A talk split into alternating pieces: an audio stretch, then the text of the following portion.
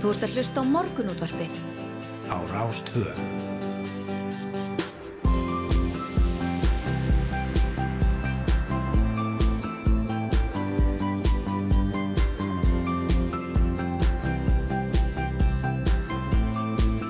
Morgunútvarpið Á Rástvö.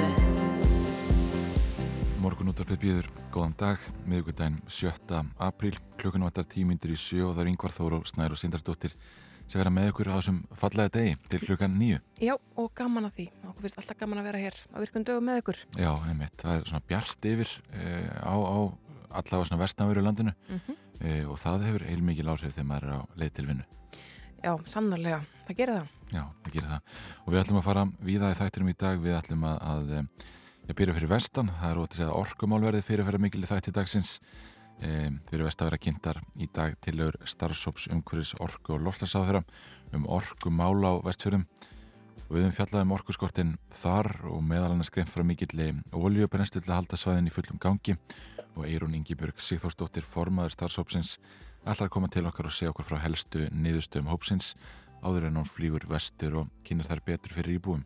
Einmitt, það er hreint tilviljun að umhverfis ráðara hefur uh, já, snertiflötu við þrjú hérna af dagskrar já, já. dagsins því að umhverfis ráðara hefur tryggt fjárvetningu vegna aðgera til varna leka á ólí úr flaggi El Grillo Mm. og til að koma í veg fyrir mengur og tjóni seðisvirða þeim völdum. Til að mynda hefur verið ákveðið að kaupa flótkvíjar til að fanga ólíuprák frá skipinu ef ólíja berst áfram upp á yfirborðið. Við ætlum að heyra í Rúnari Gunnarsinni yfirhafnaverði á seðisvirði um fyrirhugaðar aðgerðir sem eiga að hefjast um næstu mánaðamót. Mm -hmm, Yfir hafnarverður, Yfir hafnarverður, já. ekki hafnarstjóri eins og við skar annars þar á landinu. Eh, Sko það er hafnarstjóri og síðan er yfir hafnarverður Ég og mér skil. skilst að það, það kerfi sé við á landinu. Ok, gaman. Eh, Hafnarstjóri þarna er, er sveitastjórin í Múlaþingi Ah, eh, en hann er yfir hafnarverður á Seyðisfirði. ég skil, Já, gaman því. þetta stórt um mikið sveitafélag núna. Emitt, En uh, helsti samningamæður Úkræni friðar viðræðum við rússam sagðum helgina að stjórnvöld í Moskvu hafa munlega fallist á helstu kröfur Úkrænumanna. Það glæðir, já, vonum að vel mið í átt að frið en Tyrklandsfossiti hefur bóðið leiðtóum beggja ríkja til fundar og við ætlum að ræða við auði Byrnum Stefánsdóttur sem kennir samningatækni í alþjóða samskiptum við Háskóla Íslands reynlega um hvernig svona friðar viðræður virka og hvernig það virkar þegar tveir stóri leiðtúar mæta og alltaf ræða málin. emitt. En eins og ég lofaði hér áðan þá er, hefur uh, umhverfis orku og loftasmálar á þeirra uh, snertiflötu við þrjú af umfyllunarefnum dagsins. Frættablaði greindi svo frá því í gæra orkuneyting Íslendinga þykja á pari við Mósambík og að landið sé í þriðja sæti yfir þau lönd sem hafa verstu orkunýtingu í heimi. Tölveru hluti raforkunar fer til gagnavera sem meðalans graf til rafmynd en eins og ítrekkað hefur verið greint frá og við höfum meðalans fjallað um hér í morgunútvarpinu er tölverur orkuskortur í landinu og sérstaklega það litið til markmiðum orkuskipti í samgöngum. Það er að segja allir rafbílarnir sem að allast til þess að við fyrum að aga Mm. og við ætlum hreinlega að fá Guðlug Þór, Þórðarsson umhverfis orku og loftsaksæðura til okkar og ræða já, þessa orku nýtingu af hverju eru við að pari við Mósambík og rétt fyrir neðan lönd á borðu við Kongo og, og önnur uh, Afrikuríki. Einmitt, einmitt. Og síðan er það flótamennir. Já, emitt, ríflega 600 flóttamenn frá Úkræni eru komir hinga til lands en það er hrein viðbútt við þau ríflega 100 sem alla jafna koma til landsins í hverju mánuði í leita betra lífi. Þetta þýðir eðlumálsins samkvæmt að tölverð pressa er á kerfinu og eitt og annað hefur gengið svona upp og ofan. Mm. Til okkar kemur Íris Kristinsdóttir, sviðstjóri verndar hjá útlendingastofnum til að ræða þessi mál. Já, já. Og við ætlum að enda þáttinn á að fjalla þessum sumarið framundan. E, það er ágætt að veðrið er svona gott og, og, hérna, og margar erfiðar frettir e, í, í brennidefli. En Anna Dóra Sæþórsdóttir, fórseti Ferðarfélags Íslands, hún ætla að koma til okkar en uppseltir í skála félagsins við laugavegin yfir hásumarið og þá er orðið uppselt núna í ferðir á nokkra hátinda Örafajökuls í vor og við ætlum, já, bara að ræða önnum ferðasumarið framöndan. emitt. Hér að fórsið frettablasins er rætt við Katrinu Jakobsdóttur, fórsetisráð þeirra. Þau hafa náðu hana vegna Máls Sigurðar Inga, innviðaráð þeirra í gær en hann já, hefur beðast afsökunar á, á ummælum sem að þóttu mjög óviðukvæmilega í, í bóði framslunarflokksins á búnaðaþingi á, á 50 dag. Hún segir Já. hér Þegar ráðara gerir það ekki, þar að segja um, fylgir ekki síðareglum, þarf hann að meta stöðu sína, enda ábyrð á störfum og hátt sem í honum sjálfum, segir svari forstisraðura. Ráðara sitja í umbúðu þingflokka sinna og sem kjörnir fulltrúar í umbúðu kjósanda sinna. Þessar aðala geta haft áhrif á setuður að metir atveikið að breytni svo að ekki sé lengur tröst á störfum ráðarins í hverju tilviki fyrir sig og þá getur þingið sambitt vantröstilegu hendur einstakar ráðurum eða fórsættisráðara og ríkistjórn hans. Gerðar eru ríkari kröfu til ráðara í ríkistjórn en til annara um háttsemi. Mm. Þetta er forðunlegt, um, það verður enn og svo sem sko hvorki genginni rekið í tilrænum stjórnaranstöðu til vantrösts síðustu 20 árin eða svo á þingi. Mm. Uh, og almenningur hefur kannski ekkert rosalega ríka aðkomu að því að, að uh, ráð þeirra að segja af sér það er svona hinga til þegar ráð þeirra Nei. hafa verið að gera það það hafa þeir svolítið fundið hjá sjálfum sér eftir mikla pressu kannski Mm.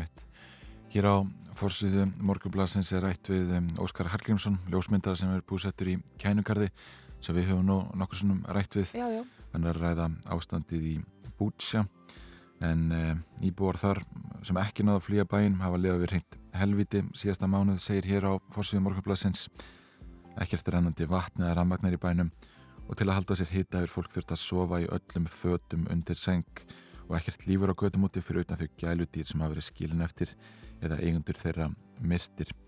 Uh, Óskar Hallgrímsson uh, fór sem sagt ef ég skildar rétt ásand hópi bladamanna í bæin í gær og hefur hérna, já, já, bærin alltaf verið mikið í, í sviðsljósunum síðustu dag vegna fjöldamórsins sem þar var framið og hann náði hann að tali af heimamönnum og sá með eigin augum þá eigðileggingu sem hefur átt sér stað síðustu vikur.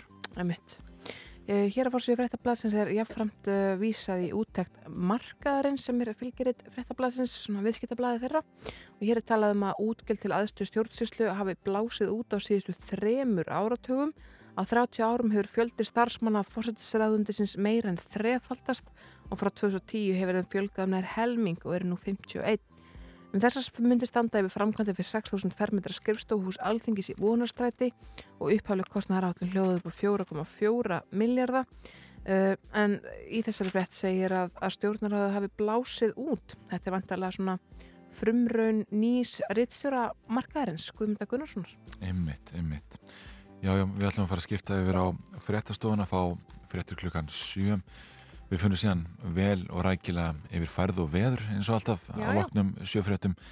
Við funnum vondið svona hægt og bítandi minna að lesa um, um hálku og hálkubletti. Ekki strax. Það er, er páskarhætti eftir sko. já, já, það er frost í dag fyrir að vera bjart og fallegt yfir. Nákvæmlega, það er alveg rétt. Já, við ætlum að heyra hvað fréttastofan hefur að segja og uh, kannski smá auðlýsingar líka. Mm. Komum svo að vera með spori hér í morgunútvarpinu á Rástvö. Þú ert að hlusta á morgunútvarpið. á Rástvö.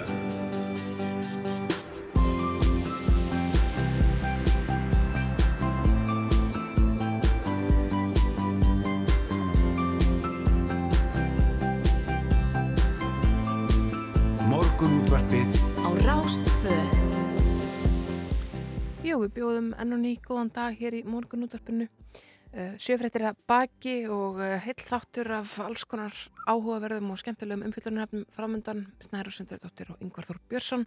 Við sittum hér í hlóðveri í efstaletu og ætlum að vera með ykkur til klukkan nýju. Já, já, einmitt, við ætlum að ræða orkumálinn töluvert í, í þættinum, byrjum fyrir vestan, það sem kynnt að vera í dag tilögur starfsóps umhverfis orku og lofðarsáður um orkumál á vestfjörðum. Nú umhverfisáður hann var einnig að tryggja fjárvitingu vegna aðgerða til varna leka á oljúr flaggi El Grillo og við ætlum að ræða það við yfir hafnarstjóran á Seyðisfyrði og síðan ætlum við að ræða já, uh, sko samningaviðræður friðarviðræður Úkrænu og, Rúslands uh, við Auði Björnu Stefansdóttur sem kennir samningatækni við Háskóli Íslands Mm. hún ætlar að segja ykkur svona hvernig friðar viðræðum á þessum skala er hátað. Einmitt, við ætlum líka að ræða við Guðlu Þór, Þórðarsson umhverfis orku og loftslagsar á þeirra um frétt fréttiblasins í gær sem að greindi frá því að orkunýting Íslendinga sé bara með allra versta móti í heiminum. Uh, hér sé bara forgangssöðunin í orku fráleit eins og það var uh, hérna talað um í fréttinni í gær, sjá hvað Guðlur hefur að segja um það Svo ætlum við að tala við Írisi Kristendóttur sviðstjóra verndar hjá útlendingastofnun um þá rífilega 600 flóttamenn frá Úkarænu sem eru komir hinga til lands og svo ætlum við að ræða ferðarsumarið mikla við önnudóru Sæðarstóttur forsetta ferðarfélags Íslands en það er uppselt í skála félagsins við laugavegin yfir hásumarið. Mm. Þannig að fyrir þau sem ætla að fara laugavegin þá er það bara tjald. Já, já, með mitt. og taldum ferðir og, og sumar þá er kannski ágætt að líta til veðurs Í dag er norðanátt við að kaldiða strekkingur en kvassar á stökustadi í vinstrengjum sunnan undir fjöllum. Og útliti fyrir dálítil jél á norður og austurlandi en hins vegar verður létt skíð og sólaríkt sunnan og vestan til á landinu. Þó sumir myndu segja að um sér ræða gluggaður, segir hér í hulegangum veðufrængs og það fyrir bari drefur napsitt á því að þegar hortir út um gluggan virðist vera eitt besta viður en þegar út er komið býtur kuldin í norðan næðingnum í kinnar. Já, það, er enda, já, það er enda kaldur loftmassi yfir landinu og frost yfirleitt á bílunu 1-6 stiga deginum og kólnar enn frekar í nótt. Það er alltaf skemmtilegt þegar veðurfræðingurinn sem skrifar þessar hugleðingar e, bætir svona einhverju mólum við. Já, já, það er alveg rétt. Það er vetrafæri víða um land samkvæmt vegagerðarinnar. Hálkaða hálkublettir á nokkrum leiðum á Suðvesturlandi en snjóþekja á Mósfellsheiði Á kjalanis er esjuvegur hennilega lokaður millir afleikjara díjarlýð vegna framkvæmda uh, og kvalfaragöngin það hefst vinna við þreif og viðhald klokkan 11 í kvöld og standur til klokkan 7 í fyrramálið þannig að um, þá verður fyldarakstur að meðan að vinnu stendur mm. gera maður ráð fyrir miklum töfum. Á Vesturlandi eru hálkaða hálkublettir á nokkurum leiðum en snjóþekja á Lagsardalsheiðu og Brautubrekku slítlagsskemdur á vestferðaveginum eins og við hefum svo sem farið reglulega yfir. Já. og vegurinn er ansi ójöfn á burgarferðarbrautinni á vestferðum er hálkað að hálkulvættir víðast hvar á vegum en þæfingur á stengirsverða heiði og ófært norður í árnæsrepp á þröskuldum er vegurinn ófær en það er unnið að mokstri þeir verða snöggir að því. Mm. og í dynenda segði er vegurinn ófær en jáfnframt unnið að mokstri Norrlandi eru hálkaða hálkublettir víða, það er óvissu stifegna snjóflóða hættu í gildi í Ólasferðarmúla og norð-austurlandi er snjóþekja halkaða halkublettur og ófartum hófaskarð.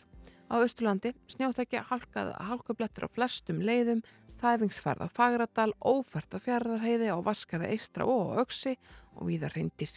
Suðurlandið halkaða halkublettir víða á vegum og uh, brún yfir keldu ál á Sandholmavegi er skemmt. Það Já. er 5 tonna ástungi.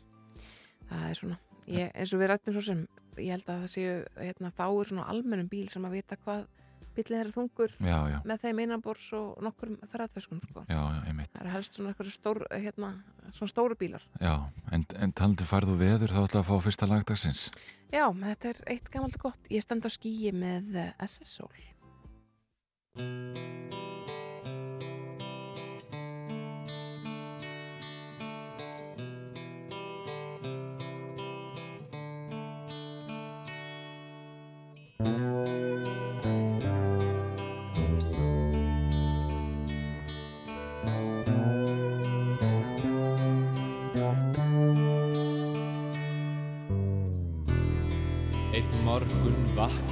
snemma.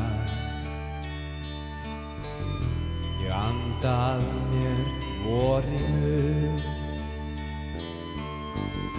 Ég horf á flauels mjúka skugga sem fagna sólar komunni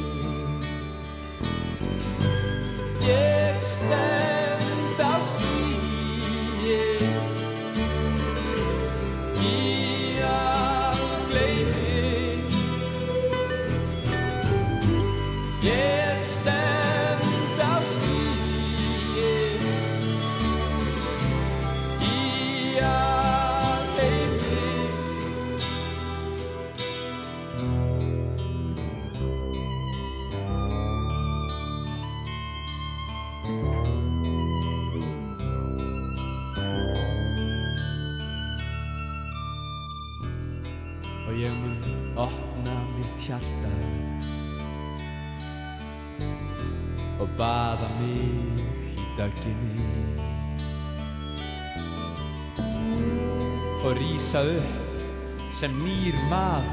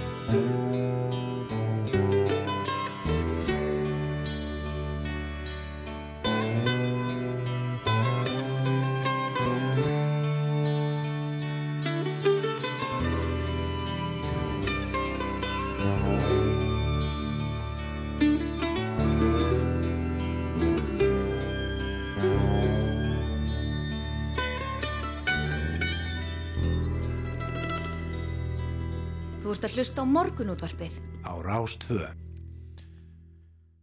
Jú, jú, ég stend á skíi með síðan skein sól en við eh, erum byrjuð að pæla tölvert í borgarstjórnarkostningunum og sveitarstjórnarkostningunum sem vera núna 14. mæ í næsta mánuði og uh, það var áhugaverð frétt, uh, áhugaverð könnun sem byrtist í kvöldfréttum stöðar 2 í ger. Þar kom fram að, að meira hlutin í Reykjavík er fallin jafnvel þótt sjálfstæðisflokkurinn tapir tveimur borgarfyldurum frá síðustu kostningum. Mm.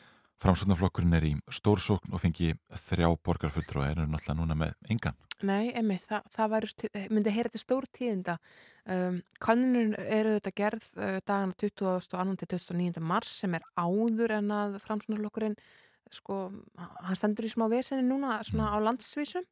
Spurning hvort að, að, hérna, að það myndi hafa ykkur áhrif. Já, já, einmitt.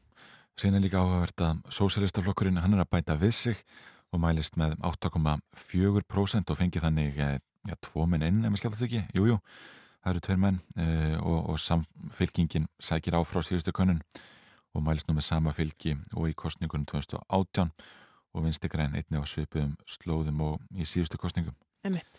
En um, Pírata myndu líka bæta við sig manni um, en hvað, viðrist tapa einum og samfélkingi tapa einum er það ekki, samkvæmt þessari Jú, konun mér sýnist það já, akkurat. Þannig að þetta, þetta já, það er erfitt að mynda meirluta. Það þarf þá 12 manns Já. að mynda meirluta og, og það myndi já, það, það er einhvern veginn sama hvernig maður horfir á, á, á þennan kapar þá verður þetta flókið.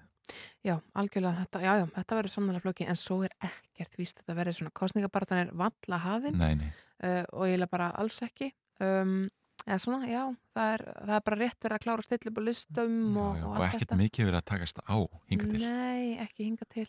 Uh, við erum auðvitað hér í mörgrundarspunni aðeins að tala um málefnin á mándagsmorgnum. Það eru við svona að taka fyrir Mm.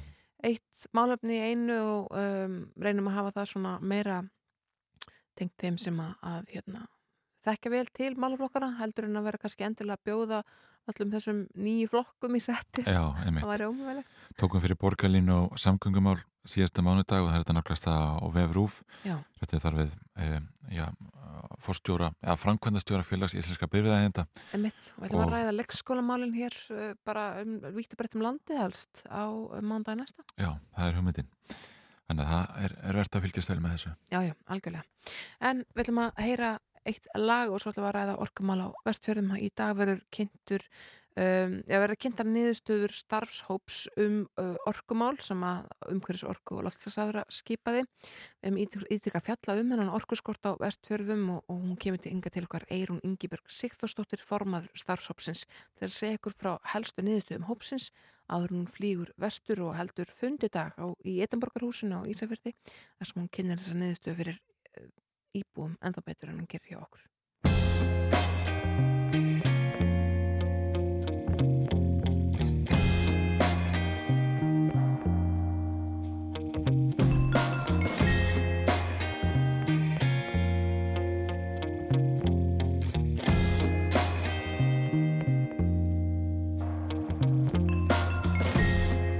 One day love couldn't be found?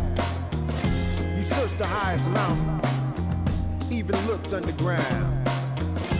You couldn't quite prove it as a natural fact. It just up and vanished with no sign of coming back.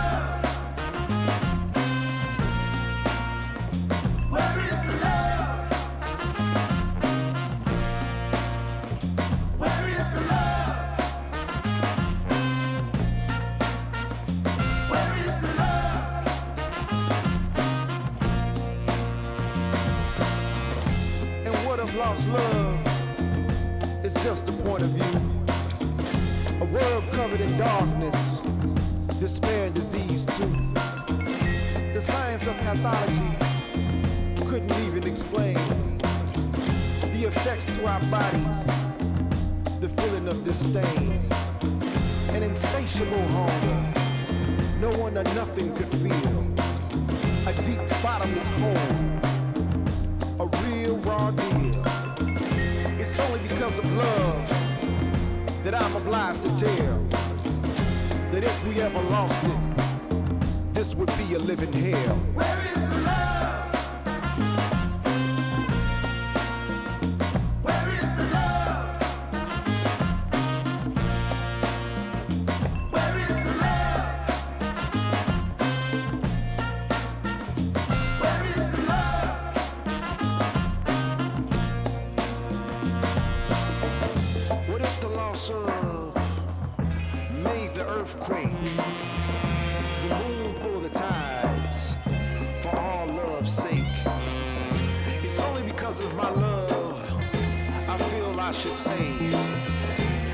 forever lost.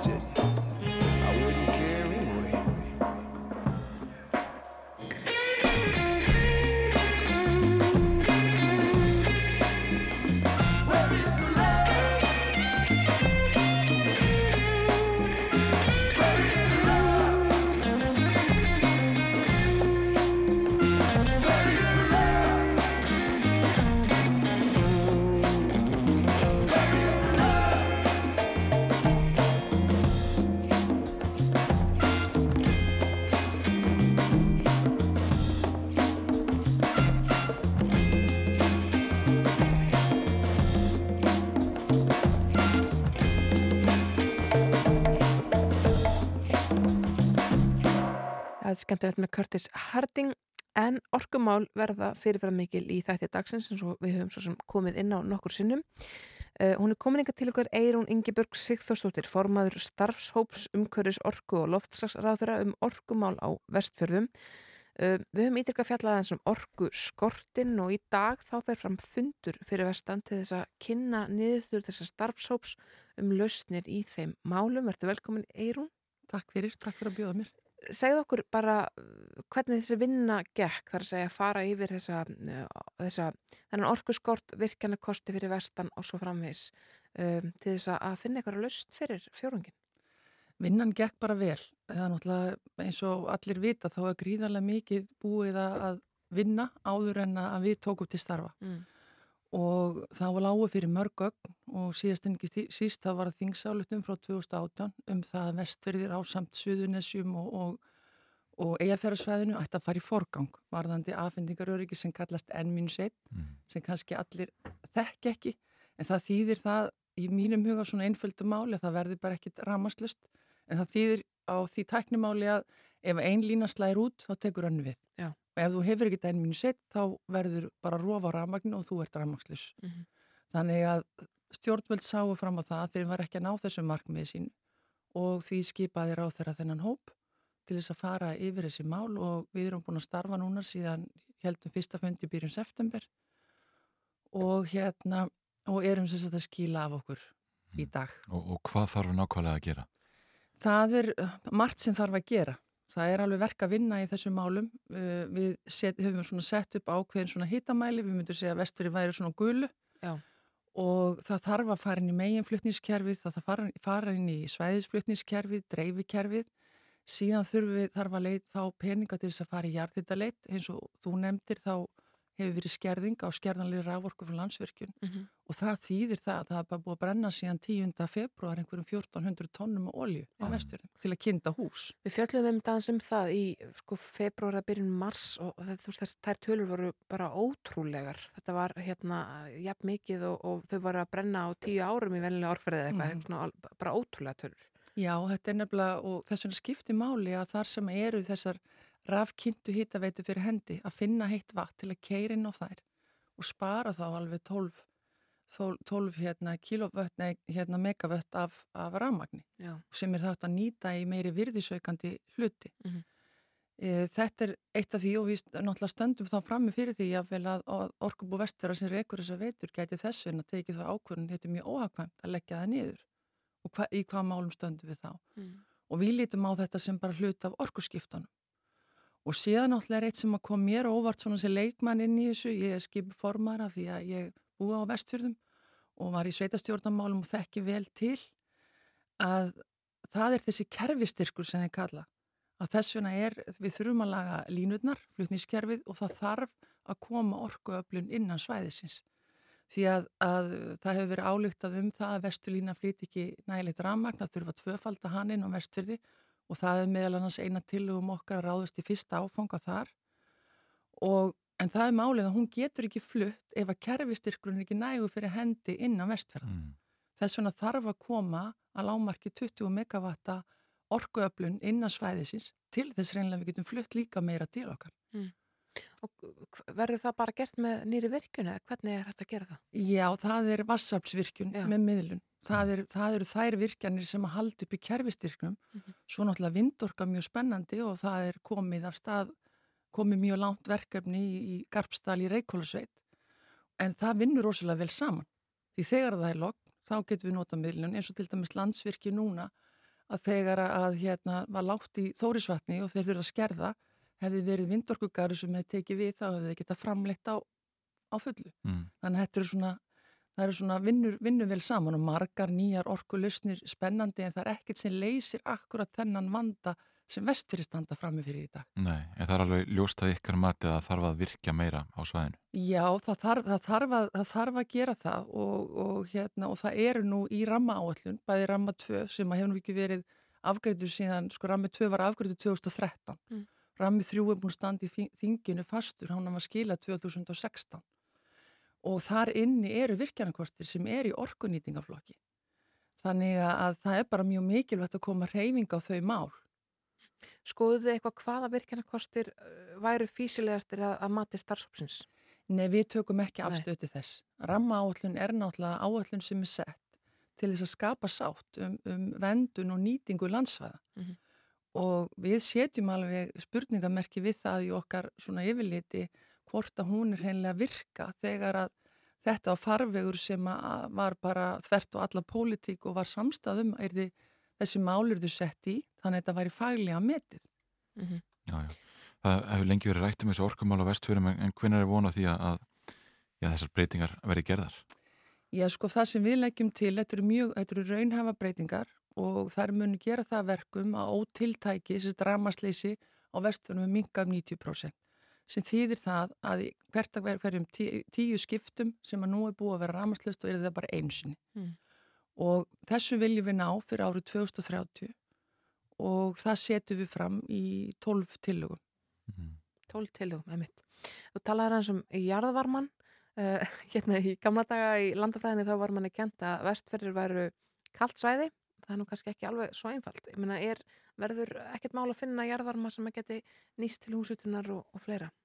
Það er, uh, það er jarðvarmi, en þetta er náttúrulega skilgrind sem kallt svæði. En málið það að nú hefur teknin líka flóið fram. Já. Sjá eins og í Vestmanniðum eru menna að kynnta hús úr, upp úr sjónum með 5 gráðu ef ég mann rétt, heitum sjó. Mm -hmm. e, þannig að þarna eru volgrur á mjög mörgum stöðum og þó að sé, kannski, kannski kallast láhiti, að þá með nýjustu tekni varmadælum og annað þá er það mjög, mjög hérna, e, físilegu kostur. Og svo líka hitt að horfa til þess að leggja niður miljardar fjárfestingar í, í hérna í hérna í þessum rafkynntu veitum sem nú þegar eru til staðar. Og þá myndur líka niðugreislur aukast. Ríkið er það að koma hann inn með að minnstakosti 80 miljónir en það kostar svona um 100 miljónir 110 miljónir að gera fullnaða leit bara að leita til þrautar að heitu vatni. Mm. Þú ætlar að fljúa vestur í dag og kynna þessar tilögur betur fyrir íbúum og, og stjórnvöldin þar. Já. Og, og, og hvernig verður það gert og hvar? E, við verðum í Edinborgahúsinu og það er fjórðumsamband vestfyrðinga sem er að, að, hérna, að halda þetta þing og á það ekki skilið og ég hvet alla til að fara inn á vestfyrði.is og skrá sig þar það fylgjast líka með í streymi. Mm -hmm og uh, síðan er skíslan er í prentun Já. og verður svo byrta á vefstjórnar ásins þetta er sín best veit Takk fyrir komuna, Eirún Ingi-Björg Sigþórsdóttir, formar þessar starfsóps og við ætlum að fara að skipta fyrir á fréttastofuna, Snarús Já, við ætlum að heyra frétta yfir litlkjökun 7.30 og svo ætlum við að ræða El Grillo, við hefum svo sem aðeins rætt El Grillo áður en, Mm. en núna er sérst búið að tryggja fjárveitingu til að, að koma í veg fyrir ólíuleika úr flakinu á Seyðisfirði. Þannig að, já, um, fyrst frettæfild.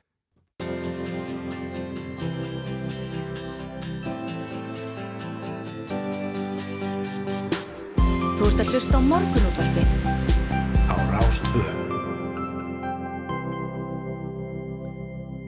Jú, jú, eh, við ætlum að að ræða El Grillo næst en það búið að tryggja fjárveitingu vegna aðgerð til að varna leka á óli úr flaggi El Grillo og til að koma í veg fyrir mengunar tjóni í Seyðisfyrði af þeim völdum. Og Rúnar Gunnarsson, yfirhafnavörður á Seyðisfyrði komin á línuna, góðan daginn. Já, góð daginn.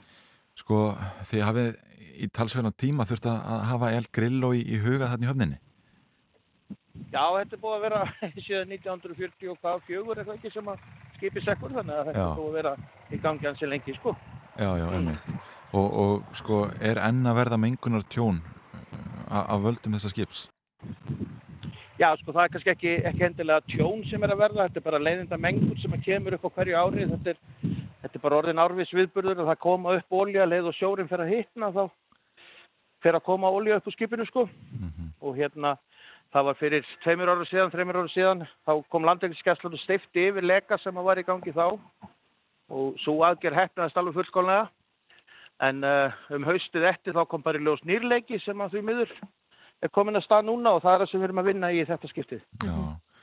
Og það er búið að tryggja þessa fjárveitingu vegna aðgerða. Hvað á nákvæmlega að gera núna á, á næstu vikum og mánuðum? Herri, við erum að vonast til þess að gæslan, landekisgæslan komi til okkar aftur og uh, verðum í svipað aðgerð og fyrir þreymur árum þar sem að verður steift yfir uh, mannópi sem er að leika í þetta skiptið. Það er hérna, eru tveir tankar þarna sem eru samsíða sem að hérna vera spáður vera að leika og það er meiningin að steipa yfir það. Við erum svo búin að fá fjármagn uh, hérna á Seyðisvara til þess að kaupa okkur búnað til þess að reyna að fanga þá olíu sem kemur upp Já, og hérna hugmyndin er svo að, að, að við ætlum að láta smíða fyrir okkur svona plastring svipa bara og, og fiskaldiskví og se- setja það sem sagt út yfir lekan og vera þar með svo kallar olíugyrðingar sem fanga olíuna og svo apparat sem heitir skimmer sem að svo sígur olíuna upp úr sjónum. Hvað er Það er áallega það sem við erum að, erum að skoða núna. hvað er áallega að sé mikið af olju í skipinu? Sko það er eitthvað sem er mjög erfitt að segja til um. Sko það er, þegar að skipi fór niður á sínum tíma þá er, telja minna hafi verið um 6.000 tonna olju í því og svo var búið að dæla úr því 4.300 tonnum minni mig árið 1952 eða 3 og svo var tekið úr því 2001 voru 250 tonn tekinni viðbót og hérna og við erum ekki alveg með það á hreinu sko en, þessi tveir tankar sem eru þarna að það er svona, menn, menn eru hrættur um að sé eitthvað meira í þeim sko. Já, já. En á þess að hreinlega að reyna að koma myndavillið einhverju niður til þess að mæla þá bara getum við ekki sagt til um það með vissu hvað er mikil olíu eftir. Nei. Nei, nei. En þetta er heilmikil tækni sem á að nota þarna til að koma í veg fyrir frekara mengunartjón, heyrum maður. Það lítur að þurfa mikla sérfræði þekkingu að setja þetta upp og annað slíkt. Já, við erum náttúrulega, við, við erum svo heppin að, að hérna landegnsgæslan er búin að vera okkur sérstaklega hliðhóll og hérna ég vil bara koma því að framfæri hér að, að, að þeir eru bara hjartastakki skildar fyrir sína aðkoma á málunu. Þeir eru, þetta eru miklu fagmenn og hérna, og þeir munu aðstofa okkur við að koma uh, þessum hring upp til dæmis. Það þarf að festa niður í skipið og það þarf að sagt, nota, nota skipið hreinlega bara sem akkeri sko. Og við munum svo sjálfur, við reyndar við njótum góðs að fyrirtæki hérna sem smíða flótkvíjar fyrir, uh, fyrir hérna, sjókvíjaldið. Þeir ætla að smíða fyrir okkur ringin og svo munum við sagt sjáum að þjónust þetta sjálfur bara hér á höfninni. Við, það er sagt búið samþykja að kaupa bát sem við getum haft afnót af og hérna við munum þá sjáum að, að þjónusta þetta og, og sagt veiða óljuna upp sjálfur. Já, já. Er En þetta engin, er, það er sérstaklega sko fyrst og fremst að landegnisgæslan sem að er með stóru teknilegu málin og steipuvinnuna og þetta Mhm. og þeir eru algjöri mistara, þeir vita algjörlega hvað þeir eru að gera. Já, já. eins og þú sagðir aðan þá er skipið búið að vera þarna síðan 1944 sko er, er ekki til umræðu að fjarlæga það hreinlega í heilu lagi flækið? Jú, sko, við, það hefur alveg verið rætt að fjarlæga flaggið og hérna, það er náttúrulega, þá við að tala um gríðalega teknilega framkvæmt. Um, þetta er alveg, ég, ég, ég tel að hægt. Já. Það er hérna, þetta hefur verið gert erlendis, það hefur verið mun starri skip verið fjarlæga hafsbóknu og, og á meira dýpi jafnvel.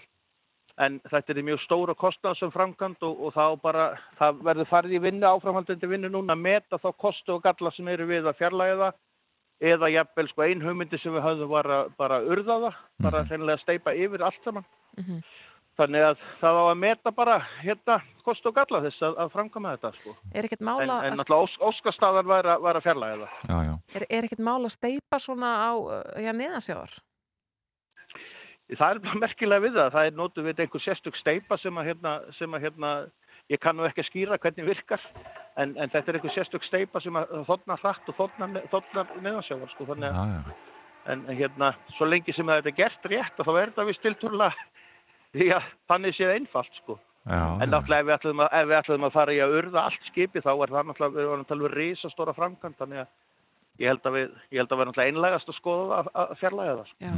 En, en hvenær stendur til að fara í þessar aðgerðir og, og ég segði fyrir að taka vantilega mikið eftir þessum aðgjörum. Þetta lítur að, einhver, einhver fjöldi fólks að koma að þessu og, og, og, þessi, tæk, þessi, þessi tæki lóta sást vel einhvern veginn að meðan á þessu stendur. Já, já, sko það er vonið standa til að vera svona, já, gæslan var að gæla við mánaðamótin april-mæ sem að vonandi að fyrir eftir bara siglingar áallinni hjá þeim. Um, þá náttúrulega verður varðskip hér vandalega í sjálfsagt, já, um tvær vikur í ferðinum og hérna fólk náttúrulega fylgist vel með því og sér, sér allt hvað er í gangi og þeir hafa verið mjög döglega líka einmitt bara að, að, að hérna að mynda og, og deila efni af aðgerðinni sko Mhm. og svo, svo þegar við erum búin að setja út þennan tiltekna ring þarna þá, þá verður hann alltaf bara mertu með siglingaljósum og öðru slíku og, og hérna og það verður kynnt vel og, og vandlega fyrir sjófærendum hvar hann er staðsettur þannig að þetta fer ekkert á milli mála hvar þetta er sko. Nei, nei. Nei, nei, þetta er, þetta er mjög áhugavert og höldum áfram að fylgjast með þessu. Rúnar Gunnarsson, yfirhafnavörður á Seyðisferi, takk fyrir að vera á línu og vakna með okkur. Já, takk fyrir það og eigið góð dag. Já, sem er. Sömuleiðis. Takk, takk.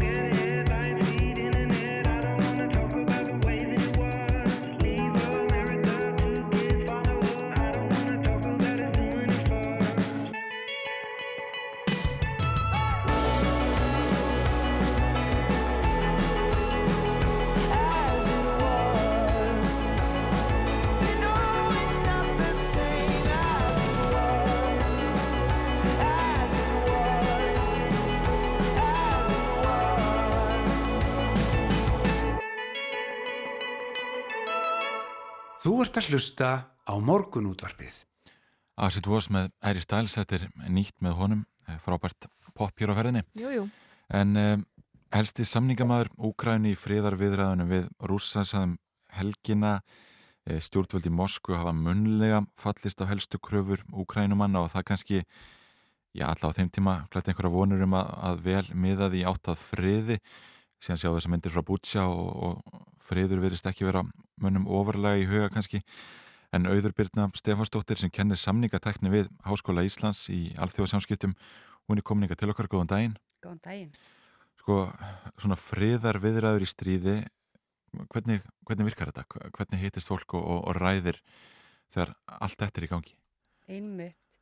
Það er alveg máli. Fríðaviðræður eru náttúrulega svolítið kannski annars eðlis og, og mun flóknari en aðrar samningaviðræður uh, af því að þarna snúast, snýst þetta náttúrulega um að, að stöðva vopnið átök og til þess að það takist þá þurfum náttúrulega báðir aðlæra að vera í fyrsta lagi tilbúinir til að koma að samninga við uh, borðinu og, og vera tilbúinir til að skoða kannski rót átakana og, og, og ræða um þá uh, lausnir til þess að leysa þessi deilur á friðsamlegan hátt Mm -hmm. og auðvitað forsenda þess uh, fælst náttúrulega í því að það ríki kannski einhverslega tröst milli aðalega eða allavega það sé hægt að byggja upp tröst og eins og þú segir þá uh, vandast náttúrulega málinn þegar maður uh, lítið til þess að rúsar hafa nú farið bak, bak orða sinna varandi vopnarlið marg oft og auðvitað þessi ræðilu fréttir um strískleipi í Bútsja eru kannski ekki að gera málinn auðveldari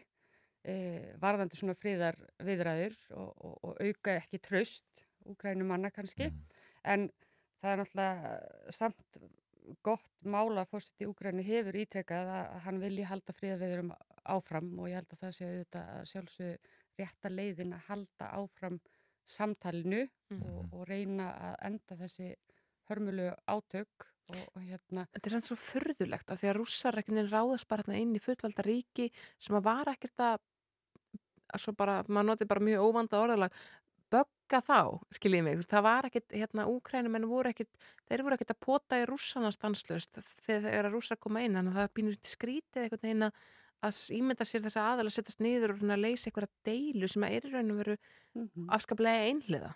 Einmitt uh, og þetta er náttúrulega oft mjög erfitt að koma inn í svona viðræður, sérstaklega fyrir aðala sem hefur upplifað ofbeldi og á, á honum sé brotið að þá getur náttúrulega verið mjög erfitt að, að ætla að reyna að finna einhverja málamiðlanir með þeim aðala og, og, og gefa í raun eftir einhverja hluti til Mhm. svo kallaðas óvinnar en auðvitað í samningatækninni ef maður horfir, horfir á þetta út frá því þá eh, er þetta samt snýst þetta um að reyna að, að, að eh, komast undan því að vera fastur í þessum afstöðum og reyna þá kannski að reyna að horfa á undirleikjandi hagsmunni í staðin til þess að geta reynd að koma samtalenu af stað.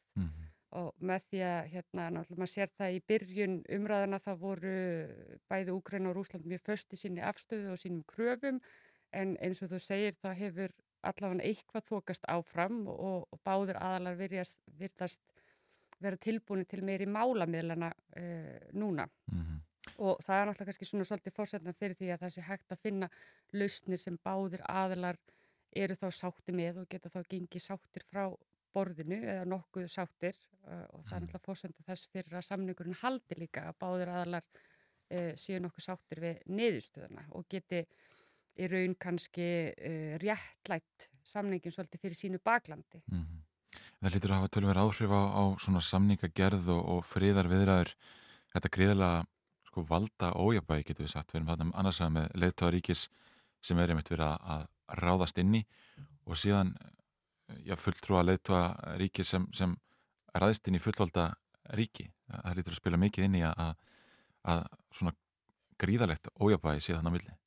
Algjörlega og þetta er náttúrulega alltaf uh, svolítið svona siðferðislegt álita mál á að semja eða á ekki að semja við einhvern sem hefur brotið alþjóða lög og, Mhm. og brotið að fullveldi Úkrænu eins og þú segir og hérna og auðvitað með því kannski að semja við Pútin þá er maður náttúrulega í rauninni að ná fram þá er hann að ná fram hluta af sínu markmiðu með valdi sem er náttúrulega aldrei gott fordæmi í rauninni en uh, samt sem að þau myndi nú segja að það væri í hag begja aðalega að, að reyna að semja um friðsamlega laust þar sem báður aðalega myndi standa verra vígi uh, ef að vopnuð átök dragast á langin Mhm. og það er náttúrulega það sem maður gerir í samningatekninni uh, að maður byrjar að skoða uh, sagt svolítið hvað eru aðrir möguleikri stuðinni ef ekki er hægt að semja og það er svona það sem maður byrjar að skoða og, og með því að ákverða það þá getur maður kannski ákverða hvenær maður myndi jafnvel bara ganga frá samningaborðinu ef hagsmunum manns er ekki e, því að halda áfram að, að semja. Mm. en e, í tilviki Úkræn og Rúslands þá myndi ég allavega að segja að það sé mikilvægt að reyna að þróa samninga sem geta þá fullnægt hagsmunum begja aðala einhverju leiti og, og það sé hagsmunum þeirra sé betur borgið með því en áhættinu og möguleikunum sem að félast í áframhaldandi stríði sem að getur náttúrulega verið mjög kostnæðsamt bæði í mannfalli og, og efnahagslega. En ef við veltum aðeins fyrir okkur bara, uh, já, samningatækninni svona í kjartan, er þetta bara eins og þegar maður er að svona semja við börn, maður býðum tvo valkosti sem maður er sjálfur búin að velja og er ánægð með og, þau velja annan, þú veist, er þetta bara eitthvað svona sálfræði og, og, og hérna, já, um, tókstrita um eitthvað svona uh, mjög frumstæða tilfinningar? Algjörlega. Samningatækni er náttúrulega bara eitthvað sem að maður er alltaf að, nota dagstaglega eins og þú segir en hérna e, svona ef maður gengur út frá samningatækninni þá er maður að hugsa um þetta að reyna að meta sérst, farið við sína hagsmunni og, svo, og hins aðalans og með því að skoða þessa hagsmunni og reyna að setja sig inn í kannski uh, hugsunar hátt Pútins og hvaða hagsmunni hann er að verja þá er kannski auðveldar að reyna að finna og koma saman með einhverjar skapandi lausnir á hvernig er hægt að mæta þessum hagsmunum að einhverju leiti Mm. og, og svo er líka svona orðatiltæki sem við notum í samnægutækninni sem er kallað ennsku saving face Mm. og þá er maður kannski að íhuga það þegar maður er að, smíða samningin uh, hvernig maður geti sett hann upp þannig að uh, hinn aðilinn geti haldið andliti, svo að segja, eins og ef við hugsum bara um Úgrænu og að þau myndu íhuga hvernig Pútín getur þá haldið andliti ef að hann e, þegar hann sest, gerir samningin og, og hérna, þarf kannski að láta af einhverju kröfum sem hann setti upp upprunulega Mm. og þá er maður að vinna í því að, formulera samningin kannski til þess að, að báðir aðilar Já. geti unnið, ef maður getur sagt Það er svona svo ríkstjórnarmyndir bara þegar að, flokkarnir fara að láta af öllum kostningalofurunum í ykkur Já, já, svona þetta eru bara málamiðlanir Já. og hérna, en, en sko, það lítur að vera þannig að við náttúrulega vitum ekki nákvæmlega hvað gerist við samningaborðið og hvað er sagt. Mhm. Má gera ráð fyrir því að bæði Vladimir Zelenski, fórseti Úgræn og Vladimir Putin, eh, fórseti Rúslands, eh, sko, gangi lengra í kröfum sínum svona ofinbarlega en þeir gera við samningaborðið. Eh, að, sko þegar, þegar Zelenski talar um það að gefa ekki eftir tómi á landsvæði og, og Mhm. Putin talar um að ná austur hérðunum má gera ráð fyrir því að sko, þeir gerir sjálfur ekki ráð fyrir að, að ná öllum sínum markmiðum Já, ég myndi nú halda það allavega ef, ef að svo er staðan þá ertu náttúrulega bara algjörlega fastur í, í afstöðum og þá er náttúrulega engin grundvillur fyrir einhverjum samningum ef báðir bóra sér niður í sína afstöðu þannig að þú þarf náttúrulega hægt og rólega að reyna að finna eh, einhverja lausnir og, og hérna til þess að, að- að miðla málum eins og maður segir. Einmitt. Og sko, það eru þetta kannski ekki þeir sjálfur tveir sem er að Mm. mætast, þeir eru með hérna, samningar nefndir og svo framvegis og þurfa þær svo kannski, ég meina, geta þær leift sér að, að ræða eitthvað á svona fundum og fara svo tilbaka og þurfa jafnvel að selja uh, fórsetanum hugmyndina, það sem að kom fram. Einmitt, það er einmitt það sem maður þarf alltaf að íhuga því að þetta er náttúrulega samninganemndir sem er þá að tala í nafni e, þeirra og þurfa síðan að, að, hérna, að selja það til e, já, þeirra hvernig samningarnir eru og það getur auðvitað, auðvitað flægt samningaferli talsvert og, Mhm. og er eitthvað sem er mikilvægt að tala um kannski oft í byrjun samninga e, er, þú veist, hvaða völd hafið þið til þess að, samtækja hitt og Einmitt. þetta og, og oft hefur það alltaf gerst að það er komið mjög langt í samninga og annar aðalinn heldur kannski bara að þetta sé allt frágengið en þegar að mótaðalinn fer til sinna, síns yfirmanns þá, þá hérna, hviður við annað hljóð. Já, já, þetta getur flægt hlutina talsvert. Já, einmitt. Við sáum það að, að, að Erdogan, fórseti Tyrklands, bauð stríðandi fylkingum eða, eða stríðandi fylkingum bauð e, innrásaliðinu innrásar aðilunum í Rúslandi og, og, og vegar um, er stjórnvöldum í Úkrænu að samningaborinu hjá sér einhvern veginn og bauð þeim vettvang til að hittast um, sko, hvernig virkar þetta hvers konar hópar þurfa að koma að samningaborinu þegar, þegar það hlýtar að þurfa mikla öryggiskesli og, og, og annað slíkt? Já, já, einmitt. Og hérna er náttúrulega mjög gott að geta nýtt sér eh, sagt, eh, annan aðala sem að getur verið að, að miðla málum, einhvern sem er fyrir utan deiluna kannski og getur bent á nýjar leiðir þegar að, að deilu aðalinir eru bara komnir í fasta stöðu, mm -hmm. þá er náttúrulega mjög gott að fá einhvern svona sáttamidlara inn. Og svo er náttúrulega annað mál og annað flækjustíð sem getur komið inn í þetta þegar þú kannski ert búin að ná einhvers slags samningi og þá er það hvernig þú ætlar að viðhalda samningnum. Og, og hvernig þú ætlar að semja um að, að samningurinn e, viðhaldist og tryggja það. Og þá er það náttúrulega líka spurningum hvort að stjórnvöldi í Úgrænu geti í raun treyst rúsum til að virða samningin og, og þá þeirra fullveldi og, og landamæri og slíkt tröst er kannski svolítið erfitt þar sem við hefum náttúrulega séð að rúsar hafa nú þegar e, brotið á samninginum í Budapest frá 1994 þar sem að þeir lofuðu þetta að virða landamæri og fullvildi Úkrænu og, og þannig að þetta eru allt flóki mál líka þegar að samningar hafa náðust um hvernig að viðhalda. Emmitt. Auðbyrna Stefansdóttir, uh, kennari í samningatekni við Háskóla Íslands, það kærlega fyrir komuna í morgunúttarpið. Við ætlum að heyra átta fréttir, eitt laga undan No Choice með, no choice með Teim Imbala og uh, tala svo við Guðlúð Þór, Þórðarsson uh, umhverfis, orgu og loftslagsmála ráðara.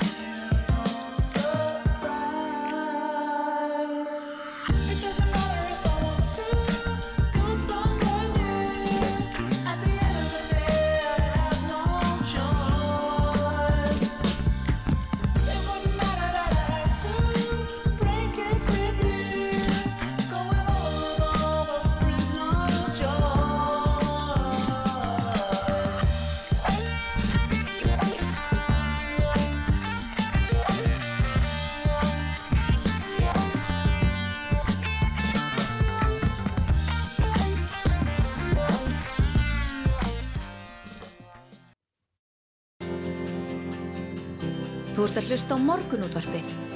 Á Rástvöð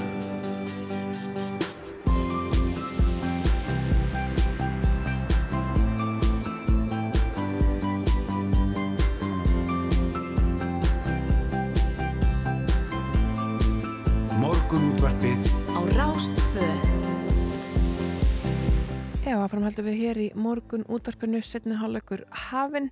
Við verðum hér með ykkur til klukkan nýju, Snærós Sindardóttir og Yngvar Þór Björnsson eins og alla virka daga.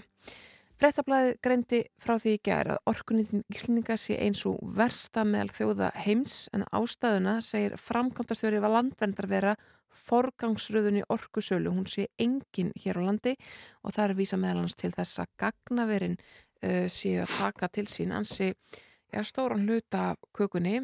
Við ætlum að ræða þessi málu Guðlúð Þór Þórðarsson, umhverfis, orku og loftsagsmálar á þeirra sem að hinga þér komin, veistu velkomin. Já, takk, takk.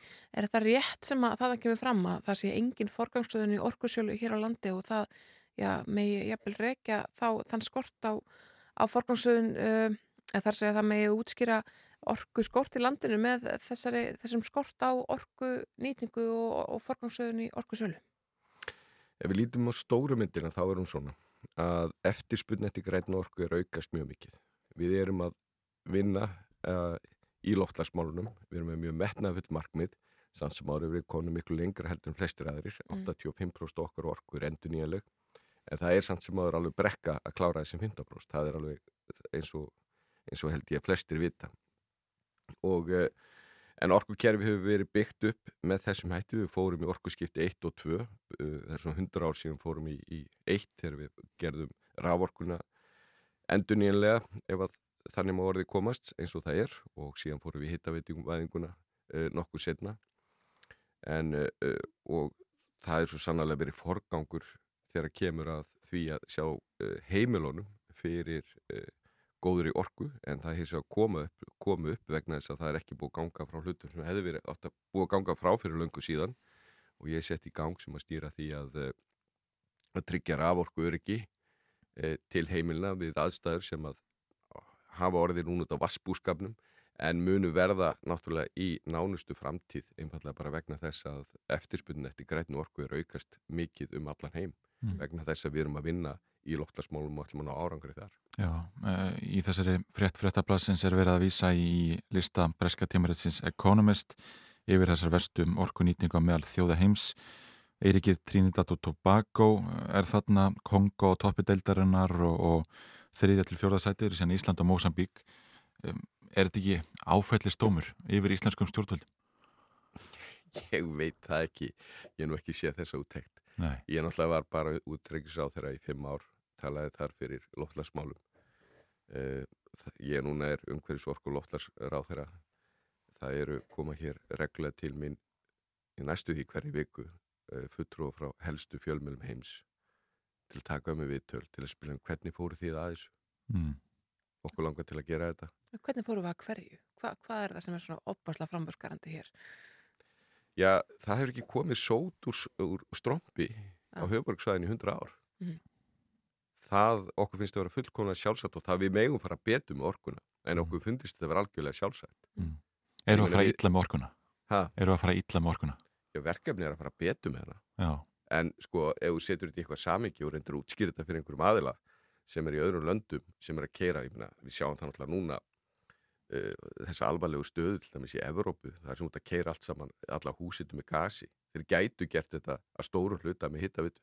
Mm. þeir bara gerða ekki og uh, þessin erum við að líta til okkar og segja sko hvernig fóru þið að þessu því að við viljum gera það líka sama þegar kemur að, að raforkunni uh, það eru kerðar hérna vesmið með raforku raforkan er búin til úr, með kólum og olju og hvað þetta er. Og ég er ekkert að tala um eitthvað uh, langt í burtu, ég er að tala um þau lönd sem við berum okkur sama við. Þannig að uh, við getum verið mjög ána með þá sem undan gengur sem tóku þessar uh, hugrakku ákvarðanir. Mm. því að það var ekki eins og verið klappaður upp þegar við fóru í þessi stóru verkefni. Við njótum þess, við byggjum á góðum grunni. Verkefni á hins vegar okkar núna er að klára orkuskiptin og það er ekkit smá mál og þar, það er, er verkefni og þar þurfum við að halda jafnbæði því að af augljósum ástæðum við viljum uh, halda í það sem við er virkilega dýrmætt bæði efnaðastæðin en okkur síður að viljum skila til komandi kynsluða þegar kemur á náttúrun okkar. En á sama hátt að þá viljum við sjá hér á Íslandi að við séum að taka út jarðefnælsnetið vonandi fyrstir allra þjóða en það eru eh, ekkit smá verkefni. Mm. en sem betur fyrir sitt ég ekki í þessum stól hérna og ég þarf að fara núna að gera ég meina því ég, því ég var ungu strákur í borgarnsi þá var oljutankunni tekinn og hitta þetta sett inn ég þarf ekki að fara í þau verkefni Nei. nema mjög litlum hluta að, eh, því, að, eh, því að þegar við fórum að skoða þessi mála þá er það nú samt sem áður þannig að við höfum ekki verið að sinna til dæmis heitavettinu eins og við ættum að gera og það eru mjög mörg verkefni á þessu sviði Mhm. og ég vildi alveg óska þess að, að við höfum haft meiri augun á boltanum á undanföllnum uh, árum og kannski áratugum en það að leggja hlutin upp það að uh, með þeim hætti að við séum eitthvað uh, ræðilegir þegar koma orkumál. Ég get ekki alveg séð það en, en við þurfum að gera betur. Það hefur undanfarið verið mikið talað um orkuskort, uh, fórsvarsmenn landsvirkjunar hafa verið að tala um að það verði að virkja, fleiri hafa verið að tala um það, hún Eirun Ingeburg sem að, uh, var hérna rétt áður að tala um að það er að virkja fyrir vestan og svo framvegis. Sko, um, er þetta að horfa í baksinnspeil núna og sjá að að gríðastóra framkvæmdir eins og Kárunakavirkjun sem að sér bara einni verksmiðu fyrir orku og, og ekki heimilunum í þeim fjórðungi til dæmis það, það hafi verið mistök, það hafi verið mistök að skoða að, hérna, að fara í slíkar framkvæmdir sem eru ekki hugsaði fyrir svona almenningi landinu. Já, það er nú almenningur í landinu sem að, að þetta nýtu góðs að því Já, vinnur auðvitað í þessari verksmiðu en, en það er samt Við skulum spurning. ekki gera lítið úr því og við skulum ekki gera lítið úr þeim störfum sem skapast í atvinnlífinu. Og við skulum heldur ekki gera lítið úr því þeirri staðrind að ástæðan fyrir því að við fengum hér á sín tíma álver, fyrsta álverið, það vegna þess að við vildum tryggja örug orku Reykjavík. Og eh, til þess að geta byggt búrfellsvirkjuna þá þurftum við að fá eitt stóra kuna þannig að við sóttum það. Síðan getum við deilt í hvað átt að gera og hvernig og svo framvegist, við, við, við breytum því ekki. Og hugmyndin er einfallega þessi. Við erum að fara með heiminum í það að taka út jarðefnælstundum við svona berjast gegn lofta svonni, það er Mhm, hugmyndin. mhm. og það er hugmyndin svo alla þjóði takja á því sem að þeim, þeim snýr. Og sem betur fyrr að eh, þá fóru við í þessi fyrir orkuskipti. Það er mjög mikilvægt. Og eh, ég held að verkefn okkar þó þessi stórt að þá er það mjög lítið í sambyrðu við þær þjóðir sem að uh, ég við getum bara séð í Evrópu og annar staðar sem að eiga mjög litla möguleika En- en sko- Það þannig að voru ekki mistök að fara í eina stóra virkjana framkvæmt sem að, að sinnir einni verksmiðu heldur en að, þegar við horfum á stöðunum núna við verðum að virkja meira til þess að sjá heimilum í landinu fyrir afrökk. menn geta bara haft allar skoðanir á því það bara skiptir bara einhver máli Mm. Ég meina var, voru mistök að, að fara í búrfellsvirkjun nei, ég meina sko á þeim tíma var það þannig hérna í Reykjavík að það var í þessari stopnum ríkisútvarpinu voru húsmaðakennara sem voru að kenna húsmaðurinn þegar þær voru nú sem elduðu að eh, sjóða kartöflunar á þóllóksmessu og skerpa það, á, skerpa það bara á, á aðfangadag vegna þess að ramagnin fór alltaf Já. og þetta er ekkit, það er ekkit hundra ár síðan Mm. en þarna það er, þetta eru nokkur ára týjir síðan og við byggðum upp kerfi okkar vegna sem við vorum með stór uh, notendur og þar alveg gáttu við byggt upp þetta dreifikerfið að því að við Íslendingar erum fá á tiltölu stóru landi Mhm. og við nýttum þetta til þess að byggja upp innviðina svo geta menn alveg haft skoðanir og einstaka uh, hlutum og ég veit ekki hvað er unni með því að, að vera að fara í það nema menn hafa bara sérstaklega áhuga því ég er bara mjög upptekinn af því hvernig ætlum að ná þessum markmiðum sem við erum búin að setja okkur Mm. það er allir sammálum það að við ætlum að ná árakur loftasmálunum og það þarf að gera mjög margt. Því ég nefni hérna or, að fara betur morguna, já. Þess vegna er ég búin að- koma með frumvart til dæmis um innföldun og reglukerfi sem geti nýtt sér varmadælu frekar. Uh, sömulegis er ég komið frumvarp sem er, er komin í þingið um það að einfalda regluverkið um að stækka þær virkjanir sem nú þegar eru til staðar. Mhm. og ég mun gera allt það sem get til þess að nýta orkuna en betur. Það er að koma frumvarp uh, sömulegis til þess að gera það verkum að geta nýtt flutningskerfi betur. Og uh, það sem ég bara að segja það að við þurfum að vera öll, því þetta er ekki bara verkefni eins og ráð þeirra einnar ríkistjórna, þetta er þjóðar áttak og það þarf að eh, gera með mjög margt til þess að við náum árangur. Hér voru fréttir í öllum fjölmölum út af eh, þeirri skýslu sem var nú kom frá saminuð þjóðunum sem er bara mjög skýr að okkur liggur á og við þurfum að fara í þetta verkefni en það er hins vegar skiptið máli að við gerum það þannig að við vöndum okkur mjög vel. En eitt er orku skiptin og, og þessi stóru ver sem eru hér á landi en í þessari útækt hefur verið að beina sjónum að þessum gagnavörum og, og rafmynd kemur hér fram að árið 2020 var ríflega 37% meiri raforkusala til gagnavera en til samtals allra heimila á Íslandi og, og landverðin talar um það að það sé verið að fórna náttúruperlum Íslands um, til þess að, að grafa eftir rafmynd uh, og það sé ótækt. Ertu sammála því? Já, það, uh, sko, ég ég myndi ráða öllu og, stí, sem ég held að vondi, og ég vingar ágjörð það sem var að gerast en, en þá var ég hitt með rafmynd á Íslandi sko. Nei, en, en, en þú vilt ekki stiga fast allir jarðar og, og bara Já, þú, og banna þannig já, það, er, það er nú uh, svona, við búum í réttaríki og þú stígur ekki alveg fram þannig að þú getur bannað hluti svona án afleðinga, þú þarf að vanda það mjög vel en aðalatir er þetta. Að menn hafa verið að sækjast í gagnaver af mörgum ástæðum, bæði við og aðrur og það er og, en það sem við vanta til þess að gagnaverin geti sint til dæmis til viðskiptafinni sem flesti vilja fá, getur nefnt bara Amazon og Google og, og þess aðila er það að tengingarna við landi hafa ekki verið góðar eins og við vildum hafa þær. Já. En það er að við, það er löngum búið að taka ákvörnum það og það er verið að framkvæma það er breytingar þannig að það er að koma gagnastengis þannig að þau gagnaver sem hér eru að þau að geta þá keft við um fleiri, uh, fleiri uh, viðskiptavinni. Mm -hmm. En fram til þessa hefur nú verið kalla eftir því og, og uh, tala fyrir því að hér ætti að vera gagnaversiðnaður á, á, á landinu og uh, meðal annars vegna þess að hann er nú ekki, ekki mengandi, hann skapar að vísu ekkit mjög mikið af störfum, henda mjög ekki á Íslandi því að uh, bara út af kuldanum gerir það verkum að Mm. það þarf minni orkur hér heldur en annar staðar. En auðvitað hafa mér mismöndi sjóna með því og, og, og umræðan breytist, það, það liggur alveg fyrir. Mm, En þú ætlar ekki að fara í einhverju frekari breytingar á á regluverkinu í kringum rafmyndagröft? Það er ekkit sérstak regluverk kringur rafmynda gröft en það er regluverk auðvitað í kringum bara atvinnustar sem er almennt. Og uh, ég var alveg litið til þess hvort að við getum ítt í einhvern veginn út en ég hef ekki séð það gert neins þar annar staðar í þeim löndu þar sem við berum okkur sama, berum okkur sama við. Aðalatri að þetta að núna þegar við fá nýju, nýju uh, sagt, uh, gagnastrengina að þá eru gagnaverðin á Íslandi betur samkjöfnishæf um þá viðskiptavinni sem viljum miklu frekar sjá heldur en, heldur en þessi rafmynda, rafmyndir. Mm -hmm. Það eru þetta sko blikur á lofti í Evrópu í orkumálunum og engar, engar smá blikur á lofti. Um, rússar hafa séð Evrópu stórum hluta þennar fyrir gasi og svo framvís. Um, heldur þú að, að sér þú fyrir að það séu, að koma, séu breytingar í farvatninu sem að, að hérna, auki svona pressuna á okkur íslendingum að selja orku út? Við, sko, ef maður skoða grænbókina, stöðuskísuna, þá liggur það fyrir ætlum að heil, þá er það svo sviðismynd ef ætlum að fara í full orkuskipti þá þurfum að auka orku framleyslum um eitthvað 120%. Mm. Langstæsti hlutin þar eru, eru þá, þættir, eh, eh, sérst, millandaflugið er stæst og eh, sömuleiðis flotin því þó sem fáið þá erum við stóran flota.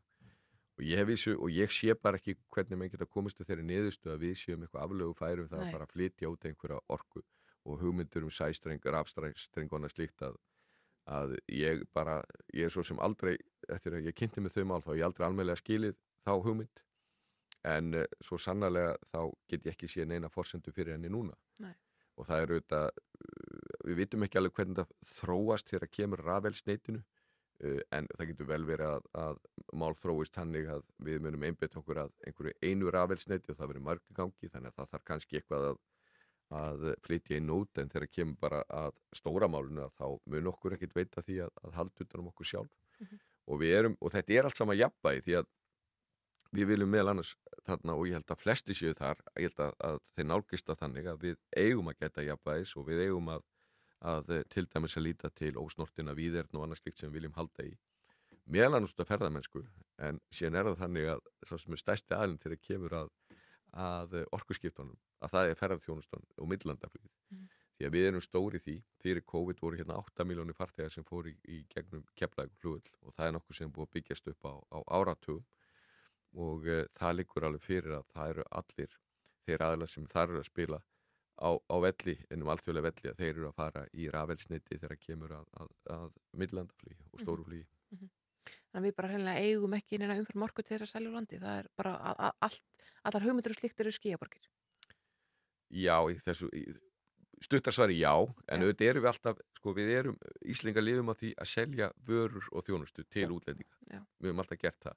Þannig að mjög mikið af því sem við erum að gera að það verður síðan að útflutningi, en þessi getur satt rá orku sala ef þannig mórið komast ég get ekki séð hana í fyrir sjónleiri framtíðin og ég veit ekki hvað þarf að breytast þess að svo geta orðið.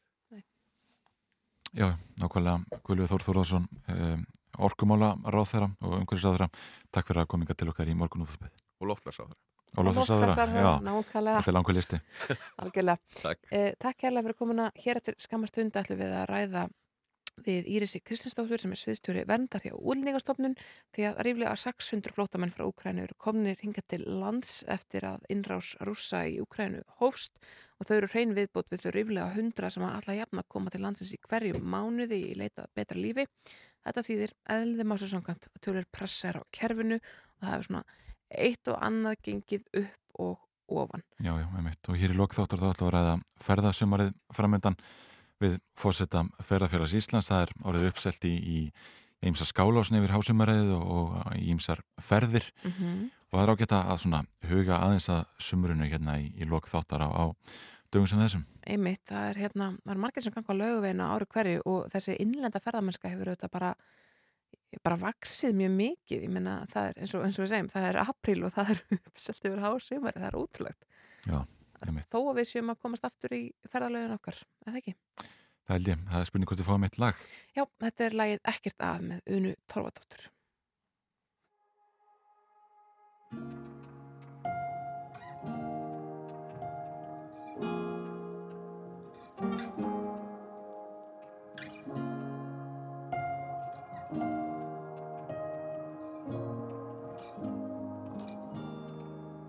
Ég er með hólur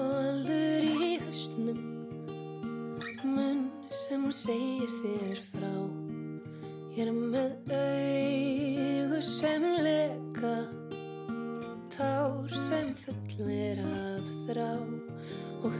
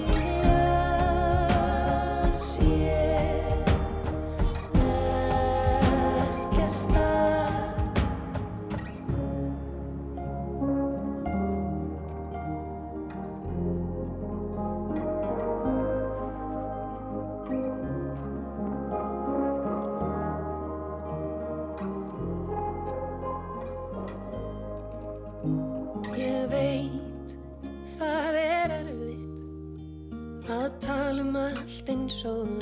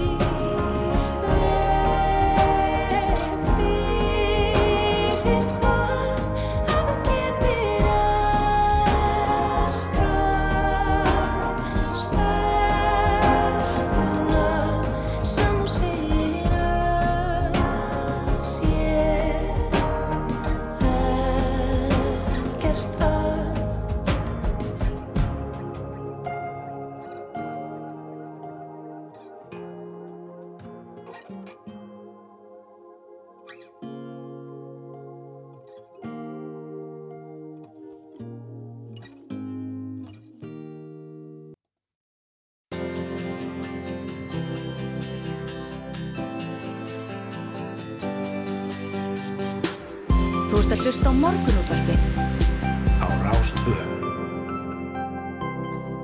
Jú, morgunúttarpið heldur hér áfram um það byrj hálftími eftir hjá okkur í dagan en nóg framöndan við ætlum að ræða við Írisi Kristinsdóttur, sviðstjóra vendar hjá útlendingastofnun um þá flóttamenn sem er að koma til landsins og endum síðan þáttin á að ræða við fórseta ferðarfélags Íslands önnu Dórum Sæþórsdóttur.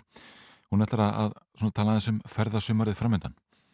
Já, gaman að því. Já. Ég er að reyka hér augunni það að Twitter ætla loksins að svara ákalli uh, nótundar sinna og uh, setja á breytingarnapp. Já, einmitt, það er hérna nýr... Lagfæringarnapp, er Já, það ekki betra? lagfæringarnapp, já, akkurat. Hann hérna nýr stjórnamaður hjá Twitter um, og fórstjóri Tesla, Elon Musk, spurði fylgjendur sína á Twitter í gær hvort það er vildu um, svo kallaðan uh, leiðréttinga eða, eða breytingarnapp. Mm -hmm. 73% sögðu já. Uh, mér síns hún reyndar á þessari könnun að, að uh, það hafa ekki verið möguleiki að velja nei. Það var annars var yes og hins var on. Já, Já. að, hérna, áhugavert. þannig að það er, það er 100% 100% fylgniði breytingarnapp, en það er óbærilegt að geta ekki laga stafsningavillunar þegar það koma. Já, já. Erum að heyra eitt lag, þetta er Brostin Strengur með Leilo og svo fáum við Írisi Kristendótt til að ræða um, já, stöðu ukrainskra flóttamanna hér á landi.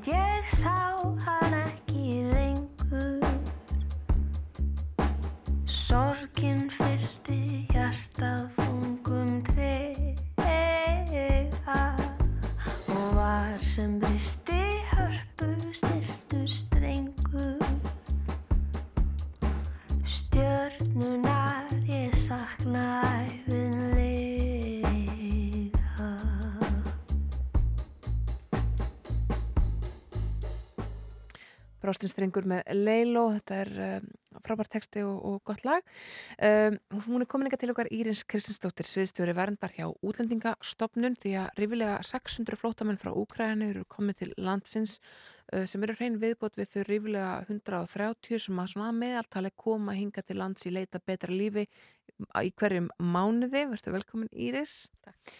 Um, þetta er mikill metfjöldi á skömmum tíma sem hingað er komin það voru þetta ringaði reglurnar til að, að bræðast við innrás rúsa í Úkrænu hvernig gengur ykkur að taka mótið þessum fjölda? Það gengur bara ágætlega. Það er náttúrulega eru allir að gera sitt besta að reyna að bræðast hratt og öruglega við. En það má alveg segja samt sem aðar við vorum alltaf ekki undirbúin undir þetta hvorki hvað var húsnaðin í mannskap til þess að sinna störfunum sérst, og þjónusta fólki. Þannig að við hefum þurft að hlaupa mjög hratt og breyðast við en við erum bara hverju sem kemur upp á hverjum tíma mm -hmm. þannig að þetta hafi verið bara miklar áskoranir mm, Einmitt og, og sko það er náttúrulega verið tölvöld rætt um, um húsnaðið mitt hvernig þeim málum hátta núna og, og er komið í ofni? Sko það sem að kannski rétt svona fórsæðan þessu þá hérna það sem gerist hérna með myndin íra ríkistjórnar að þá var e, ákveðum fórsætta e, úrskurði að hérna, félagsbólaráðandi tæki núna við e, þjó, að þjónusta umsækjandum alþjóðlega vend og, og þau eru verið sjá núna um að abla húsnæðis og, hérna, og við gerum svo samning við þau um að við þá sinnum þessu verkefni til 30. júni í þeirra nafni uh, og e, framkvæmdarsýsla ríkisins er komið núna inn í þetta verkefni á fullu að finna húsnæði og það, það hefur bara gengið mjög vel en þetta er mjög fljótt að fyllast þannig að það, við erum oft, oftar en ekki komin í þá stöðu kannski fyrir en við áalliðum að þurfa að fara að leita nýju húsnæði. Mm -hmm. Hvað gera áallanir eitthvað ráð fyrir því að það komi mikið af flótafólki að hinga á kannski næsta mánuði og, og tveimur? Er, er, getið þið sko, getið þið fæst fingur af það? Sko við getum raun og veru bara áallunar okkar varandi aðra umsækjendur, ekki frá Úkrænu, þær hafa staðist nokkur nögin. Við höfum svona verið að gera ráð fyrir 100-130 á mánuði og það hefur haldist undarvartum mánuði þannig að við getum alltaf gert ráð fyrir þessum svona svolítið fasta ef svo maður segja. Mm -hmm. En Úkræna er náttúrulega svolítið bara algjörlega óskrifa blað og við getum einhvern veginn enga veginn átt að okkur á hvað koma margir. Nei. Þannig að það eru komni núna veist, 616 einstaklingar mm. á já, réttur um mánuði þannig að Þannig sjáum við fram á að þurfa einhvern veginn að hlaupa rætt og retta jafn óðum næstu vikurnar á mánuðina. Já, það er núna að vinna í gangi að, sérst, að finna fleiri og fleiri húsnæði og svo náttúrulega verður þetta alltaf aðeins svona flókið þegar maður er að taka svona hótelalegu að því að þú veist, þau, það er oft, kannski maður getur ekki tekið þau bara verið með þau marga mánu þannig að það er líka, það er að losa og skipta um úræði og það er svona, þetta er bara, já, þetta er alveg svolítið flókið og erfitt en Frankværtarsíslan er að stiga mjög stert inn í þetta verkefni mm -hmm. og hérna, en oftar en ekki er maður í símánum kannski svona klukka fjögur fyrir með daginn en kannski er maður bínu stressaði sko um nóttina Já, að redda. Já, það er eitthvað að skipta miklu máli að, að samhafa alla þessa aðstóði í Domus Medica, þetta úræði sem opnaði mm -hmm. hvað í byrjum vikunar? Já, já, eða, veist, já, formlega var það opnað bara í gær, já. en við svona byrjuðum að prófa að vinna þarna á fymtudaginn mm -hmm. og hérna þetta er sérst uh, lauruglan og höfuborgsvæðinni, útlendingastofnun, fjölumenningasetur og heilsugæslan og hugsunin er svo að, að einstaklingar bara komið þarna inn og fái þá sækjum og fái svo dvalarlefi sitt bara strax í kjölfari hjá útlendingastofnun fara svo upp í þessa fyrstu lakniskoðun sem að þurfa að fara lögum samkvæmt getur svo farið til fjölumenningaseturs og þá er henni verið þeirra hlutur að para á við sveitafélug og þetta er svona hugsunin mm. og, hérna, og þetta hefur bara gengið mjög vel en þetta er þetta bara nýbyrjað og það er ekki alveg allir svona póstafarinn að tala saman veist, en þetta er bara eitthvað sem gerist á, á næstu dögum vonandi að að við fyrir að gangi í takt. Sko er þetta þá eitthvað fyrirkomulega sem að geta jæfnvel verið notað til framtíðar fyrir þessar 100-130 sem að, að koma? Fólk getur bara sótt þess að þjónustu eitt stað og sé ekki svona mikil flækja? Já, þetta er nú hugsað til framtíðar, þessi, þessi móttöku miðstöð uh, og, hérna, og það eru nú allir umsækjadur komað þarna í gegn mm -hmm. en svo eru náttúrulega bara þeir sem komum frá Úkrænu þeir fá þennan, þessa, þessa verndurinu verið bara strax eða eru fulla skilir um auðkenni en aðrir þá fara bara þá beint út í úrraðin og býða svo bara eftir málsmeðferðinu sem er þá mm -hmm. sem sagt, tekur lengri tíma. Mm. Segir að þau uppfælla skilir um auðkenni, það var aðeins í frettum uh, vegabrifalög spörn og svo framvegis, Mm. He, sko, hefur það verið hefur verið erfitt að skrá þau inn í landið? Nei, það hefur nú ekki verið mikið um það sko, það er jú alltaf eitt og eitt en ef að fóröldinir eru með vegabrif og oft eru fólk líka með sérst fæðingavottor eða eitthvað önnur skilriki sem að e, sína fram á sérst auðkenni einstaklingsins Já. Þannig að við höfum ekki verið að lenda í vandræði með þetta. Nei, mm. nei, nei, nei, en, en sko hvað tekur við hjá okkur núna næstu dag og, og næstu vikur? Ráðið þið við eh, aukið álag? Sko það sem við erum að gera núna er það eru ráningar í gangi að reyna að bæta við fólki og, hérna, og það er náttúrulega bara svona ráningaferðli tekur alltaf smá tíma en við reynum að vinna satt og við getum í því Mhm. og erum nú þegar komið með fleira starfsfólk og hérna það sem að ég hef, hefum líka fekið samþitt að sérst, lega annað húsnæði til bara undir starfsemin okkar þá fleiri viðtalsherbyggi og þá getum við líka ráðið fleiri lögfræðinga og sérfræðinga til þess að vinna málin Mm. nú er nú málun, við erum með ykkur 800 mál í vinslu sem eru er sérst ólókin og hérna þar af eru svona 500 eh, sem er ekki Úkræna Já. þannig að það er alveg, já, bara Það er stór skjalabunki sem þarf að fara gegnum. Já, algjörlega. Já. Þannig að, þú veist, en vonandi svona bara verður farin að sjá árangur af því að, að vinna nýður þannig hala ef svo maður orðið komast Mhm. kannski á næstu mánuðum þegar við erum komið með fleiri bjargir. Íris, þú nefndir á þann að fólk veri para við sveitafélag hann hjá Dómus. Það var auðvitað líka svolítið talað um, um það fólk sem að er að fara upp á bifröst, að það væri ekki hérna ásættanlegt eða það væri ásættanlegt og svo framvegis. Um, er þetta lotteri? Kemur fólk inn á, inn á hérna Dómus og svo bara þú gæti lenda rauvarhöfn eða þú gæti lenda Reykjavík? Þeir eru bóðið bara, uh, sérst, þú ert bara að para við ákveðið sveitafélagi raunverið, þannig að já, þú, Og er það handahófskennt? Þú veist, það fer bara eftir samsetningun á fjölskyldunni og hvaða sveitafélagi raunverið er tilbúið á þeim tíma að taka við þá til dæmis þessari fjölskyldu. Mm. Og ef þeir býðist bara hefur fullkornar pláss kannski, þú veist, á Akureyri og hérna, og þar er allt reyðubúð, þar er kannski íbúð mögulega og hérna, og þú veist, krakkandi geta að byrja í skóla, þess að þetta snýst alltaf um að þú veist, sveitafélagun sé tilbúin að taka móti og fólkinu Já. og þannig að já, það er, þú færður henni bara ekki að ráða en þú veist, en oft náttúrulega eh, sumir, þú veist, það, ég held að það sé kannski bara misjant líka eins eftir aðstæðum hvers og eins, hvort það er eiga kannski fjölskyldu eitthvað staðar í Reykjavík eitthvað slíkt, ég held að það sé tekið til til þess. En, en hvað með fólk sem hefur sérfræðaþekkingu, er mentað í, í einhverju sem að geti nýst í að landa á þjóð? Já, það er náttúrulega þá bara mjög einfalt fyrir þessa einstaklingar að sækja matunleifi Já. og hérna þá raunum verið bara þurfa að fá sér bara ráning, rá, ráða sinn og, og þá bara sækja þér matunleifi og geta bara að byrja að starfa sem slíkir. Mm. Íris Kristindóttir, sviðstjóri verndar hjá útlendingastofnun, takk kærlega fyrir að, að ræða þessa málu við okkur hér í út, morgunúttarpinu.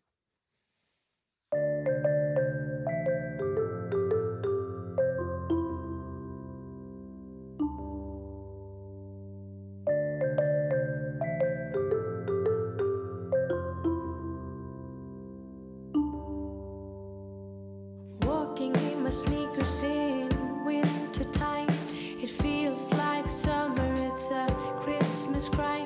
The grass is getting greener and the snow is gone. The picture's now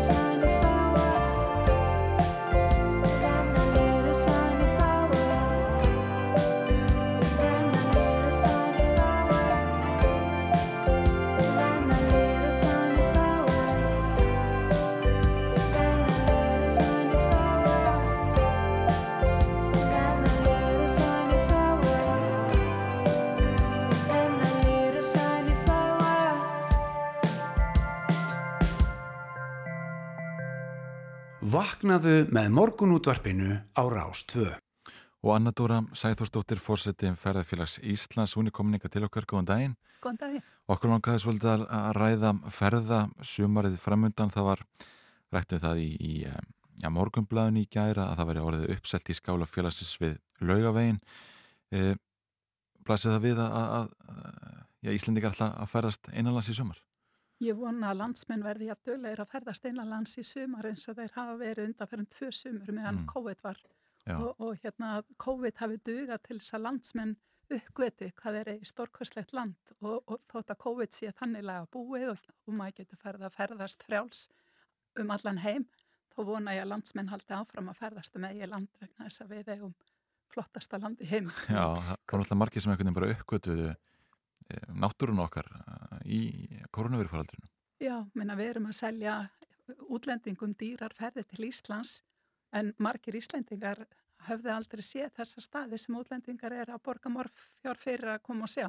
En hérna, núna eru fleiri búin að uppgöta þessa staði og hérna ég vona að fólk haldi áfram að ferðast einanlands til þess að, að njóta þess sem við höfum upp á að bjóða. Það er auðvitað apríl, sko, hvernig horfur sumari við ykkur? Er, er fólk byrjað að skipulegja ferðarna sínur um hálendið? Já, já, já, Íslendingar byrja, eru farnir að byrja fyrr og fyrr að, skipulegja sig og, og horfa hvað og sita niður þetta skrána hvað, í hvað ferðir er ætla að fara og hvað er ætla að gera. Og bóka pláss í skálum og svo framvegis? Já, það er náttúrulega þarf að vera fórsjálf allan á, á ákveðnum svæðum, sko, Þa, Mhm. þar bókast allt upp en svo er annað sem er, er, er hérna ennþá löst plássi og hægt að fara. Já. Hvað er svona vinsalast? Laugavegurinn, hann stendur alveg fyrir sínu og, og það er orðið svona nokkuð bók, fullbókað í skálana á þeirri leið. Já. En svo erum við með skála til dæmis á kjálvegi, gamla kjálvegi, það sem að hérna er ennþá alveg nógplás og, og, og hérna hægt að koma að stað. Mm. Þannig að það er að fara lengri margra daga gönguferðir og, og, og gist í skálum og hérna þótt að sé ekki laugavegurinn. Nei, Já, já, einmitt. En, en eh, er algengt að það sé orðið uppselt í, í skálana á, á þessum tíma? Ég syns að laugavegurinn er bara svo óbúslega vinsætt, Já. þannig að það bókast venjulega alveg, já, hátt í ár fram í tíma. Já, já. Hátt í ár fram í tíman? Já, Vá. það, það er hérna svona, ef þú ætlar að vera vissum að koma að staða á ákveðnum tíma, sko, þá þarf þetta að vera snemma á ferðin. En, en fyrir þau sem eru þá að hlusta og, hugsa einhvern veginn bara, ah, að ok, þá fer ég ekki á laugavinn í ár, það, það er orðið uppselt í skálana. Er hægt að tjálta og er, minna, er það, er það bóðilegt fyrir fólk sem hefur jafnvel aldrei gengið laugavinn áður að vera með tjaldabakinu og svo framvegs? Já, það er alveg hægt að tjálta og, og hérna, og, og, og hérna ekkert að því. Nei, þannig að það er alveg, þó að þessu uppselt í skálana þá er það ekki, þýðir það ekki, það er ekki heimsendir fyrir, fyrir hérna gönguferð sumarsins. Nei, e, e, af því að þú getur nota tjald ef þú vilt endilega fara þessa leið. Já, já. En hins vegar, sko, þú veist, þá er það auðvitað auka byrði og, og það verður erfiðara. Já. Þannig að ef þú vilt losna við það erfiði, þá myndi ég horfa á öll önnur svæði sem er hægt að ganga á milli skála. Án þess að, þess að sko, fara endilega laugvegin. Já, já, Minna, það eru til dæmis fyrir austan hérna, svæði sem heitir Víknaslóðir sem að hérna, ferðafélag fljótstels hér að er ykkur. Þar eru hérna, æðislega flottir og vel hérna, viðhaldnir skálar og hægt að, að ganga og hjóla og, og, og vera út að leika sér þann og, og hérna hotströndum og, og hérna og, og fleiri sveðum sko eru, eru fínir skálar. Já, já. En hvað er annars framöndan hjá ferðarfélagi Íslands núna á næstu mánu? Eh, Núna er svona skíða tímabilið að hefjast, fjallaskíðaferðir, þetta er svona flottasta tímabilið fyrir það. Mm. Eh, Svona þessir hæstu jö, jöklatindar, er- þetta er svona góður tími fyrir það, þannig að við erum hundra verkefni sem við erum hundra hæstu, Já. sem að semst eru hundra hæstu tindar landsins. Þannig að það eru svona tindar í suður hluta vatnajökuls eins og rútfælstindar og þverártindsegg og örafajökull og svinstindur. Mhm. Þannig að, að hérna, það, það, er svona það tímabil sem er að hefjast Mhm. en svo líka bara þegar núna er loksins snjóa að leysa þá, þú veist, góar stíganir bara hérna í kringum borgina, þeir eru að verða færir aftur fyrir fótgangandi þannig að skóar göngur í heimörk og, og hérna bara fjöllin hérna í kring sko það er, það er að nóa að taka. Að nóa að taka, endalus útvist í bóði Anna Dóra Sæþurstóttir fórseti Ferðarfélags Íslands, það kærlega fyrir komuna í morgunúðarpið og við komist ekki lengra að sinni uh, Hulda og Yngvar verða hér á morgun. Jújú, jú, við verðum hérna saman og, og verðum með sneisafull að þátt eins og svo oft áður. Það er rétt að minna það að það er að nálgast allt okkar efni á rúfbúndir his En ég held að við þökkum fyrir samfélgina í dag. Já, takk hella fyrir okkur.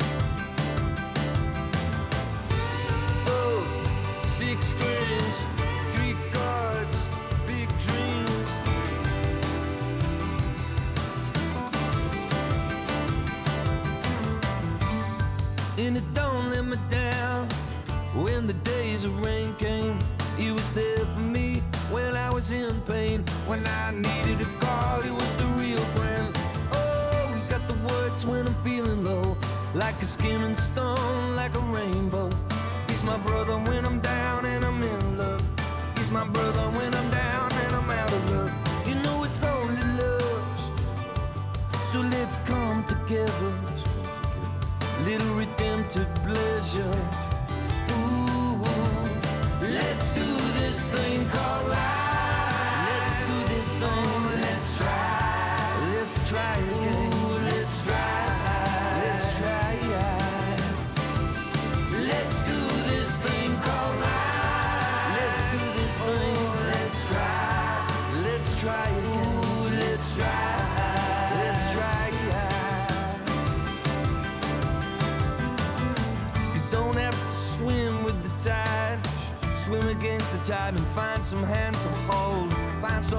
to show the light.